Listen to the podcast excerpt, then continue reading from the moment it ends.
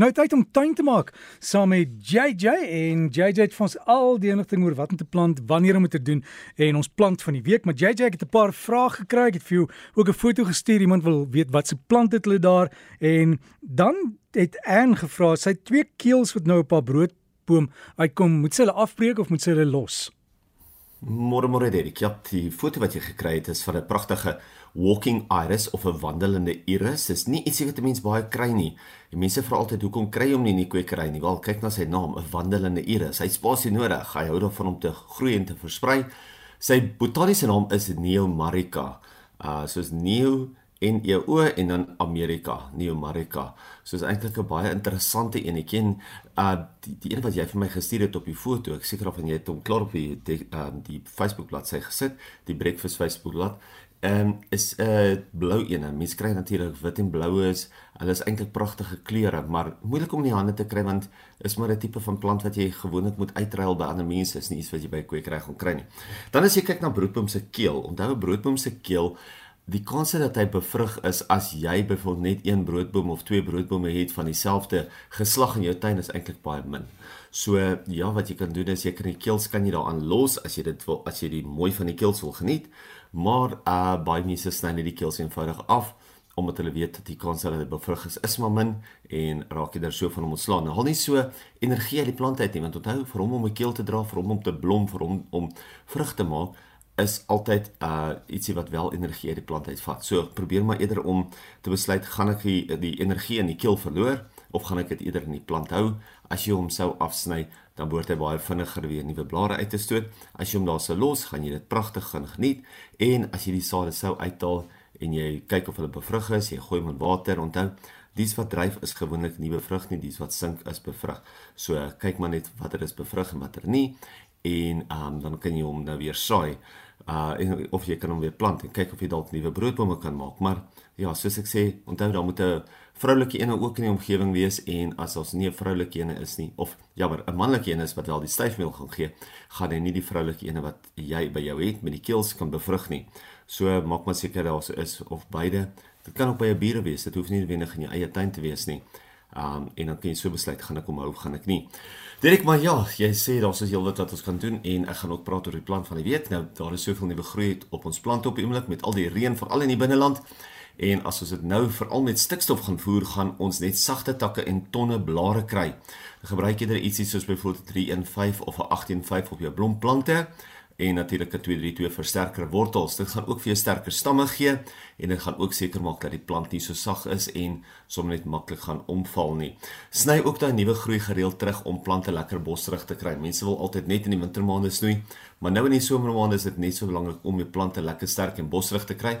Vir alles mense kyk na jou heiningsplante, jou standaarde, daai plante wat mense eintlik in vorm sny. Mense moet hulle baie gereeld terugsny sodat jy wel daai uh, bosrigheid kan kry. Ek het oor die wintermaande net na die winter het ek byvoorbeeld vir 'n dametjie een van haar durantas baie baie sterk teruggesny.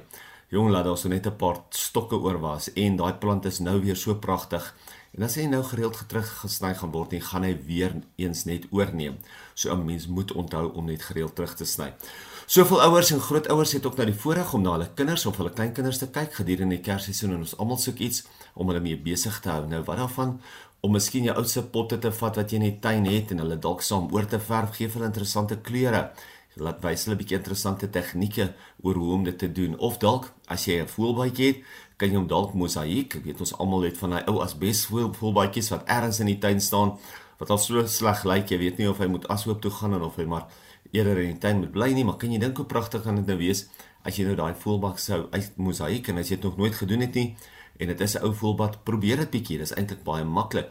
Dit doen mense sommer mos met kleiner teeltjies. Jy kan gaan kleiner teeltjies koop of as jy bietjie teels nog oor het van toe jy huis gebou het of wat kom er oor gedoen het, kan jy sommer daai teeltjies lekker klein breek en dan kan jy dit um, in die voelbad gebruik of wat dan as jy dalk 'n voelvoeder saam met mekaar slaan. Dit is eintlik baie maklik en baie lekker.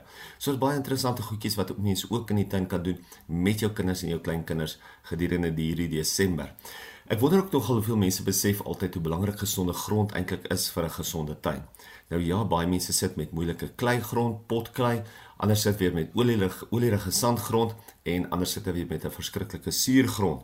Nou daar is nie 'n maklike oplossing of 'n antwoord nie, maar in baie gevalle sal 'n goeie dosis kompos, landboukalk en natuurlik 'n lekker dik deklaag wonders doen. Ek weet dit hoe moeiliker die grond is of hoe uh meer onvrugbaar die grond is of harder die grond is, hoe meer kleierig dit is, hoe moeilik groei die plante en hoe moeiliker maak jy tuin. Maar gooi 'n bietjie 'n lekker dosis kompos, landboukalk en natuurlik gooi 'n lekker dik laag deklaag en dan gaan die aardwurms natuurlik baie meer aktief wees binne in die grond, die mikrobes baie meer aktief wees en dit behoort dan die kompos ook in die grond in te vat en dit behoort so ook dan die struktuur van die kom, van die grond baie te verbeter. Ons plant van die week vir hierdie week is 'n interessante rankplant. Nou baie mense is mal oor wit blomme en ons plant van die week is 'n ranker met pragtige wit blomme, lekker groot wit blomme en dit is die Mandevilla sandeville Cosmos White. Nou, die vinnige groeiende ranker verkies natuurlik vol son tot semi-skaduwee. Hy's mal oor ryk grond en kan met baie min water oor die weg kom as hy eers gevestig is. Nou die pragtige wit blomme uh gebeur of verskyn omtrent dwars deur die jaar. So as jy ietsie soek wat 'n lekker interessante rankplant is, potplant is of selfs 'n hangboontjie plant is, jy soek ietsie met lekker groot blomme, gaan kyk bietjie by jou naaste kwekery en vra bietjie of hulle die mandeville het, maar vra spesifiek vir die Sandeville Cosmos White. Ons sal se maak. Dankie JJ, jy het vir ons foto gelaai, né? Ek het 'n foto gelaai en ja, jy sal sommer sien, dis 'n pragtige lekker groot blom. En weet jy, hy het tog 'n ligte geur op hom ook. So as hy pragtige blom is en vol blom is, gaan jy daai ligte um sandewil of hy mandewil geur ook kry. Lekker soet geur wat hy ook vir daarso gaan gee. Uh maar hy's nie so erg en intens dat mense met hooikoors sommer maklik uh gaan gaan probleme hê met hom nie. So gesels JJ Hans van Rensburg alles oor tuin maak en daai fotos waarvan ons nou gepraat het is op die Breakfast Facebook bladsy. Dis B R E K F U S en jy kan al die inligting daar kry en as jy enige vrae het, jy weet, vra maar daar, dalk het iemand vir jou antwoord en lekker tuin maak hierdie naweek.